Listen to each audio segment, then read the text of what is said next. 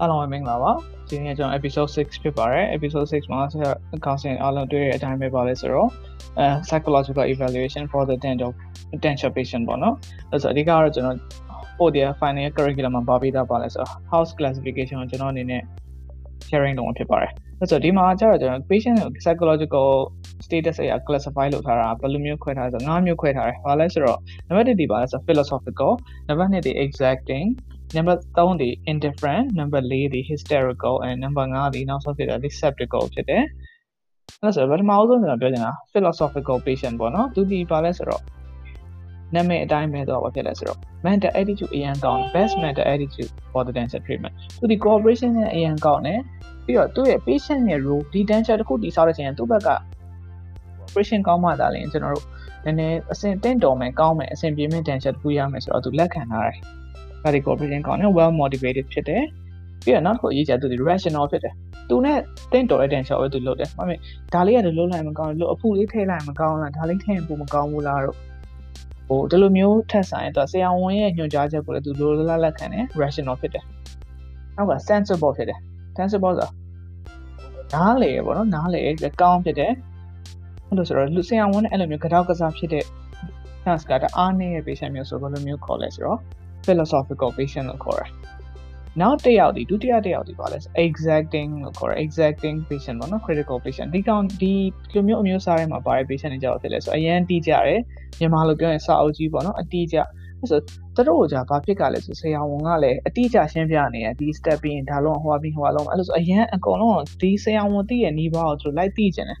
ဆရာဒါကဘာလို့မှလဲဟိုကဘာလို့မှလဲဒီကဘာဖြစ်လို့ combo ဘာလို့ရင်းနှွေးစိန်လိုက်တာလဲ တက်ဖြော်ပြီးပါဇက်ထဲမှာဘာလဲပေါ့အဲ့လိုဆိုအတိအကျလိုက်ပြီးတော့လူနာရှင်းပြရပြီးတော့အသေးစိတ်ပေါ့နော်လိုက်ပြီးတချို့ကျွန်တော်တို့ကတော့ house surgeon တော့လူနာတယောက်ကိုကြုံမှုပါတယ်နည်းနည်းဟိုလိုက်မေးတာပေါ့နော်အဲ့လိုမျိုးအသေးစိတ်တွေအစားကုန်လိုက်မေးရဟာမျိုးတော့ရှိတယ်အဲ့ဆိုဒီဟာတွေဆိုလည်းတော့ပဲဖြစ်တယ်ဆိုတော့အရင်တိကျရပေါ့နော်သူဆိုစာအုပ်နဲ့တော့သူရေးမှတ်ထားလဲဆိုသူဒီနေ့ဘာလုပ်လဲဘာလုပ်လဲဆိုတော့သူရေးမှတ်ပြီးတော့သူတင်ထားတဲ့ဟာလည်းရှိတယ်အခါရင်တော့ဘာလဲဆိုတော့ သူကိုယ်တိုင် treatment plan ကိုသူကိုယ်တိုင်ဆရာဝန်ကိုယ်တိုင်အောင်ဆွဲပေးတယ် and make several demands ကျမကဒီသွားလေးဒီလိုလေးဟိုဘက်ကိုလင်းနေ misia ဘက်ကိုနည်းနည်းလေးစောင်းနေတယ် disturb ဘက်ကိုစောင်းနေတယ်အဲ misia disturb လို့ပြောရမှာမဟုတ်ဘူးနော်သူရဲ့စကားနဲ့သူပြောဒီဘက်လေးနည်းနည်းစောင်းဟိုဘက်လေးနည်းနည်းစောင်းအပေါ်နည်းနည်းတင်နေတယ်ကျမရဲ့ငယ်ရုပ်အတိုင်းကျမသွားအောင်လုပ်ချင်တယ်လို့ပေါ့လိုမျိုးဟာတွေဒီပါလဲဆို demand ပေါ့နော်သူရဲ့ demand တွေနည်းနည်းများရတယ်ပေါ့ဆရာဝန်ကိုယ်တိုင်ပြောတယ်အဲ့ဒါဒီပါလဲဆိုအခု exacting patient နဲ့မှာပါတယ်အဲ့ဆိုတော့ ဒီမှာဆိုရင်တဲ့ဆရာဝန်ဘက်ကအကြည့်မယ်ဆိုရင်လူနာရဲ့လိုအပ်ချက်တွေဟိုသူ့ရဲ့သူပြောတဲ့ demand တွေကိုဖြည့်ဆည်းလို့ရတယ်ဆိုရင်ဒီကျွန်တော်တို့ဒီကျွန်တော်တို့ရဲ့အခဏ dental protocols အတွင်းမှာကျွန်တော်ဖြည့်ဆည်းပေးလို့ရတယ်ဆိုဖြည့်ဆည်းပေးပါဒါပေမဲ့ unreasonable unreasonable ဖြစ်တဲ့ဟာတွေမသိတော်တဲ့ဟာတွေဆိုဆရာဝန်အနေနဲ့ညင်းပိုင်ခွင့်ရှိပါတယ်တဲ့ဒီမှာရထားတာဒါလိုမျိုးဆိုဒီ patient ကိုဟာမျိုးဆိုကျွန်တော်တို့အားပြန်ပြီးပြန်ပြီးပြောတာဆိုတာလည်းမကောင်းဘူးပြီးတော့ သူလိုအပ်တဲ့ demand တွေလည်းကိုရီးယား rationally ပြန်စဉ်းစားပါတင်တော်ရဆိုလုပ်ပေးလို့ရပါတယ်တချို့ဟာတွေလုံးဝအဆင်ပြေတာကြီးကိုကျတော့လုပ်ပေးလို့မရဘူးဆိုတဲ့အကြောင်းတခြားလေးရှင်းပြဖို့လိုပါတယ်နောက်တစ်ခုကကျ indifferent အဲ့ဆို indifferent patient ကျတော့ motivation မရှိဘူးပြီးတော့ဘာဖြစ်လဲဆိုတော့တိတ်ပြီးတော့သူ့အိမ်ကသူ့အတင်းအဖိုးကအသွားမရှိတော့လို့သူ့ရဲ့သားသမီးတွေတောင်မှသူ့မြေးမြစ်တွေကလာပြီးတော့သွားဆိုင်ပေးတာတို့ လာလုပ်ပေးတာတို့အိမ်ကအဖိုးကြည့်ရတာမကောင်းလို့လာလုပ်ပေးတာတို့ဆိုသူ့မှာသူ့ရဲ့ personal နဲ့ပြော primary motivation ကမရှိတော့ဘူးအဲဆိုဒီလိုမျိုး patient ကဘာလို့ခေါ်လဲဆို indifferent patient လို့ခေါ်တာအဲ့လိုဆိုတော့ဒီလိုမျိုး patient ကြောင့်ဖြစ်လဲဆိုတော့သူကိုယ်တိုင်တက်ချင်လားမတက်ချင်လားမသိဘဲနဲ့ဒီ angle ကိုတက်တယ်တက်ပြီးတော့အမှ debug လောက်နေတော့ဟာဆရာ angle ကြီးဟိုဘက်ကနားတယ်ဒီဘက်ကနားတယ်အဲ့လိုမျိုးတွေပြောရဲအပြစ်ရှာခြင်းတယ်ဒီလိုမျိုး patient ကြတော့ ပြီးတော့အပြစ်ဖြစ်ပြီဆိုရင်လည်းဘယ်ဆရာဝန်ကိုပဲသူ blame လုပ်ဖို့အတွက်သူပုံမလေးအမြဲ blame လုပ်တယ်အဲ့ဆို cooperation ကလည်းမကောင်းနော်အဲ့လိုဆိုဒီလို patient ကြတော့ဆရာဝန်တွေနဲ့ manage လုပ်ရတာနည်းနည်းလေးခက်မယ်တဲ့အဲ့လိုဆိုတော့ဒီ patient ကိုကျွန်တော်တို့လုပ်မယ်ဆိုရင်အရင်ဆုံးခြေချရှင်းပြပါကျွန်တော် dental လုပ်တယ်ဆိုတော့ကကျွန်တော်လုပ်ပြီးပြီးချင်းချက်ချင်းတက်ပြီးတော့ကျွန်တော်လုံးဝ adaptation ကောင်းတော့မဟုတ်ဘူး။ဘာလဲဆိုတော့ကျွန်တော်အင်တာဆရာကြီးတွေဆရာမကြီးတွေပြပြဆိုဘာလဲဆိုစပိန်စီးတာစပိန်စီးတင်တယ်လို့ပဲ ကျွန်တော်စပိန်စီးရင်ချက်ချင်းစီးရနဲ့တက်တာမဟုတ်ဘူး။ဟိုမှာဖြစ်ဟို2ရက်3ရက်လောက်သေချာလေးစီးရင်စီးရင်နဲ့မှကျွန်တော်တက်သွားတာဖြစ်တယ်အဲ့လိုမျိုးပဲ dental တွေလည်းကျွန်တော်တို့ဟိုမှာဖြစ်တပတ်9ရက်တစ်လအဲ့လိုမျိုးတက်သွားပြီးနေသားကြသွားမှဒါလည်းဘာဖြစ်လဲဆို adaptation ရသွားမယ်ဒီလိုမျိုးဟာတွေ step by step သေချာရှင်းပြထားမှဒါလည်းဒီလို patient မျိုးတော့ကောင်းတယ်နောက်မှဆိုလူနာကိုဆရာလုပ်ပေးလိုက် angle ကြီးကောင်းလည်းမကောင်းအဲ့ဒါနဲ့ကျွန်တော်မတက်တော့ဘူးဆိုပြီးပြစ်ထားလိုက်ရင်ကိုယ့်ဘက်ကကိုယ်ပြောစရာဖြစ်မယ်ပေါ့နော် ဒါပေမဲ့တခုရှိတာတခါလေကြာရင်တဲ့လူနာမှာ motivation လုံးဝမရှိဘူးဆိုရင်တဲ့ angle ကိုမလုပ်သင့်ပါဘူးလို့လည်းဆရာဝန်တွေကပြောထားပါတယ်။ cooperation လုံးဝမကောင်းတဲ့လူနာတယောက်ကို angle လုပ်ပေးလိုက်ရင်ကိုယ့်ရဲ့ result diagnosis ခွင့်တယ် prognosis ကလည်းကောင်းမှာမဟုတ်ပါဘူး။သူကလည်းတက်မှာမဟုတ်ပါဘူး။ကိုလုပ်ပေးလိုက်တာပဲရှိမှာပါ။အဲ့လိုဆိုတော့သူ cooperation လုံးဝ0ဖြစ်တယ်ဆိုရင်တော့ angle လောက်တာသူတော့ဘာမှအကျိုးထူမှာမဟုတ်ပါဘူးဆိုတာကိုသိထားဖို့လိုပါတယ်။နောက်တစ်ယောက်ကနံပါတ်၄တစ်ချက်ဒီပါလဲဆိုတော့ hysterical patient ပေါ့နော်။သူဒီအရန်စိတ်လှုပ်ရှားတယ်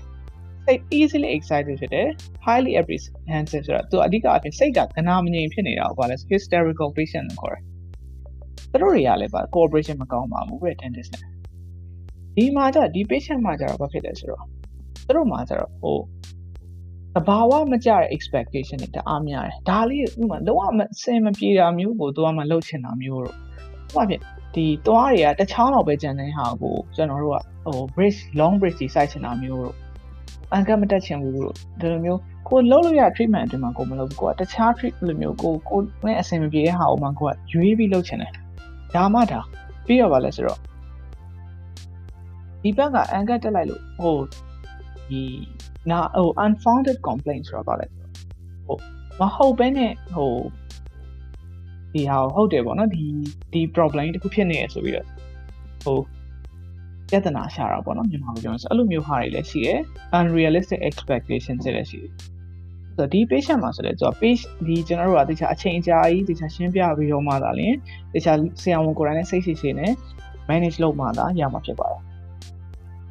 အဲ့လိုဆိုတော့တကယ်လို့တော့သူ့မှာတခြား systemic conditions တွေရှိတယ် သူ့မှာခုနပြောရတဲ့စိတ်ကဏ္ဍမင်း emotional unstable ဖြစ်နေတဲ့သူ့ရဲ့တခြား systemic underlying problems တွေရှိရဆိုရင်သူ့ medical consultation လုပ်ပြီးစိတ်ပိုင်းဆိုင်ရာခုနပြော stable ဖြစ်သွားမှသာလေကျွန်တော်ဒီ potential treatment ကိုလုပ်တာပိုပြီးတင်တော်တယ်လို့ပြောထားပါတယ်နောက်ဆုံးဒီပါလေ skeptical ဘာလဲဆိုတော့ဆရာဝန်ဒီ skeptical တွေဘာလဲဆိုတော့ဒီလူနာဒီတော့အရင်လူသွားဆရာဝန်ရှိမှတော့ angat လုပ်ခဲ့ပူတယ်လုပ်ခဲ့ပြီးတော့အရင် angat တော့အဆင်မပြေခဲ့တော့ဖြစ်လဲဆိုတော့ နောက်ဆရာဝန်နဲ့သူလုပ်ရင်လည်းဒီ angle ကအဆင်မပြေတော့ဘူးဆိုတော့ခံယူချက်ထားထားတဲ့လူနာကိုဘယ်လိုခေါ်လဲဆို skeptical patient လို့ခေါ်ပါတယ်အဲ့လိုဆိုတော့ဒီ patient မှာလည်းပါလဲဆိုတော့သူ့မှာလည်းဘာကြောင့်မပြေရလဲဆိုတော့အကြောင်းရင်းတော့ရှိရမယ်ဥပမာအဖြစ်ပါလဲဆိုတော့ unfavorable conditions တွေဘာလဲဆိုတော့ resolve risk တွေ risk တွေတအားနှိမ်သွားတာတွေပြီး poor underlying health တွေဒါပေမဲ့ gum gum health တွေပါမကောင်းသဖုံးကတအားပန်းသွားတယ်တော့ risk အားနှိမ်သွားတယ်တော့သူ့မှာလည်း unfavorable conditions တွေရှိမယ် အဲ့လိုယူထားမလို့သူဒီအရင်တော့လည်းအဆင်ပြေအခုအသက်လော်လည်းသူအဆင်ပြေလောက်ဘူးဆိုတော့သူမှာ psychological stress ကြီးဖြစ်နေတယ်အဲ့လိုမျိုး problem တွေလည်းဖြစ်နိုင်တယ်ဒီလိုလူမျိုးဆိုရင်လည်းကျွန်တော်တို့ကပါလဲဆိုတော့ဒီကအပြင် psychological management အင်လုပ်ပေးရမယ်ပထမအဆုံးနေပါလဲဆိုတော့ကျွန်တော်ပြင်ဒီလိုလောက်တိုင်းခုနပြောတဲ့ dental ကကိုယ်ရေးတေချာပထမလုပ်ခွင့်နောက်တစ်ယောက်မှလုပ်ရင်ဒီတိုင်းဖြစ်မှာမဟုတ်ဘူး။ဘာလဲဆိုတေချာ diagnosis လုပ်မယ်တေချာ treatment planning လုပ်ပြီးတော့သူ့ကိုဟိုကောင်းကောင်းလုပ်ပြီးဆိုရင်လည်းကောင်းတဲ့ dental တစ်ခုထွက်လာမှာဖြစ်ပါတယ်။ အဲ့လိုဆိုတော့သူ့ကိုအဓိကအပြင် psychological management လုပ်မယ်တခြားလေးရှင်းပြအောင်ရှင်းပြပြီးတော့မှသာလေကျွန်တော်တို့အနေနဲ့ပြီးတော့တစ်ခါလေးကြာလဲကျွန်တော်တို့ဗာလဲဆိုတော့ဒီ skeptical patient ကဘယ်လိုထည့်လဲဆိုတော့သူကသူ့မိသားစုဝင်တယောက်ကဆုံးသွားပြီပေါ့နော် psychological stress ဖြစ်နေသူ့မိသားစုဝင်တယောက်ကဆုံးသွားပြီဆိုတော့အဲ့အဲ့ဒါရဲ့စိတ်စိတ်ကဒဏ်ရာကြီးကသူ့မှာရနေတယ်ဆိုရင်လေသူအဲ့ဒီ anger မှာ anger စလုပ်တော့မယ်ဆိုရင်ဒီ anger လုပ်ဖို့တဲ့စိတ်ကဟိုမကောင်းဘူးပေါ့နော် emotional stress ရနေရဆိုရင်လည်းဒါတွေ skeptical patient တော့ ဘယ်လိုလုပ်ကြလဲကျွန်တော်ခါ psychological management ကိုကိုယ်တိုင်လုပ်လို့မရအောင်ဆိုရင် psychiatrist နဲ့အရင်ဆုံး timing ပြီး evaluate လုပ်ပြီးတော့မှသာလေသူဒီစပန်ဆိုင်ရာကောင်းသွားပြီဆိုတော့မှသာလေတခြား treatment ပေးဖို့လို့ treatment ပေးချိန်ညရင်လည်းကိုကဟိုလူနာကိုလူနာလိုမဆက်ဆံမဲနဲ့တခြား kindness compassion ဒီ sympathy ပေါ့နော်ကျွန်တော်မေတ္တာတေချာမေတ္တာထားပြီးတော့တခြားကောင်းကောင်းမွန်ကိုယ့်ရဲ့အမေတို့မကိုယ့်ရဲ့အဖေတယောက်ကိုလုပ်ပေးသလိုမျိုးတခြားလုပ်ပေးရမယ်တဲ့ဟိုကောင်းကောင်းမွန်လုပ်ပေးပေါ့နော်ဒါမှသာလေသူ့ရဲ့ ဟို emotion level ကလည်းပြန်တက်သွားမယ်ဟိုကိုယ့်ရဲ့ prognosis ကလည်းကောင်းလာမှာဖြစ်ပါတယ်ဒါကတော့ကျွန်တော်အများဆုံးပေါ့နော် majority of the တွေ့နိုင်တဲ့ patient တွေမှာဒီ category ရဲ့ဝင်တာများပါတယ်တော်တော်များသူတချို့အရင်သဘောကောင်းတဲ့အပိုးဖွားတွေလည်းရှိတယ်။ချိုနည်းနည်းလေးစကားများတဲ့အပိုးဖွားတွေလည်းရှိတယ်။တချို့ကျတော့လည်းအရင် irrational ဖြစ်ပြီးတော့တချို့ကလည်းပြဿနာရှာနေတဲ့အပိုးဖွားဖွားတွေလည်းရှိတယ်ဆိုတော့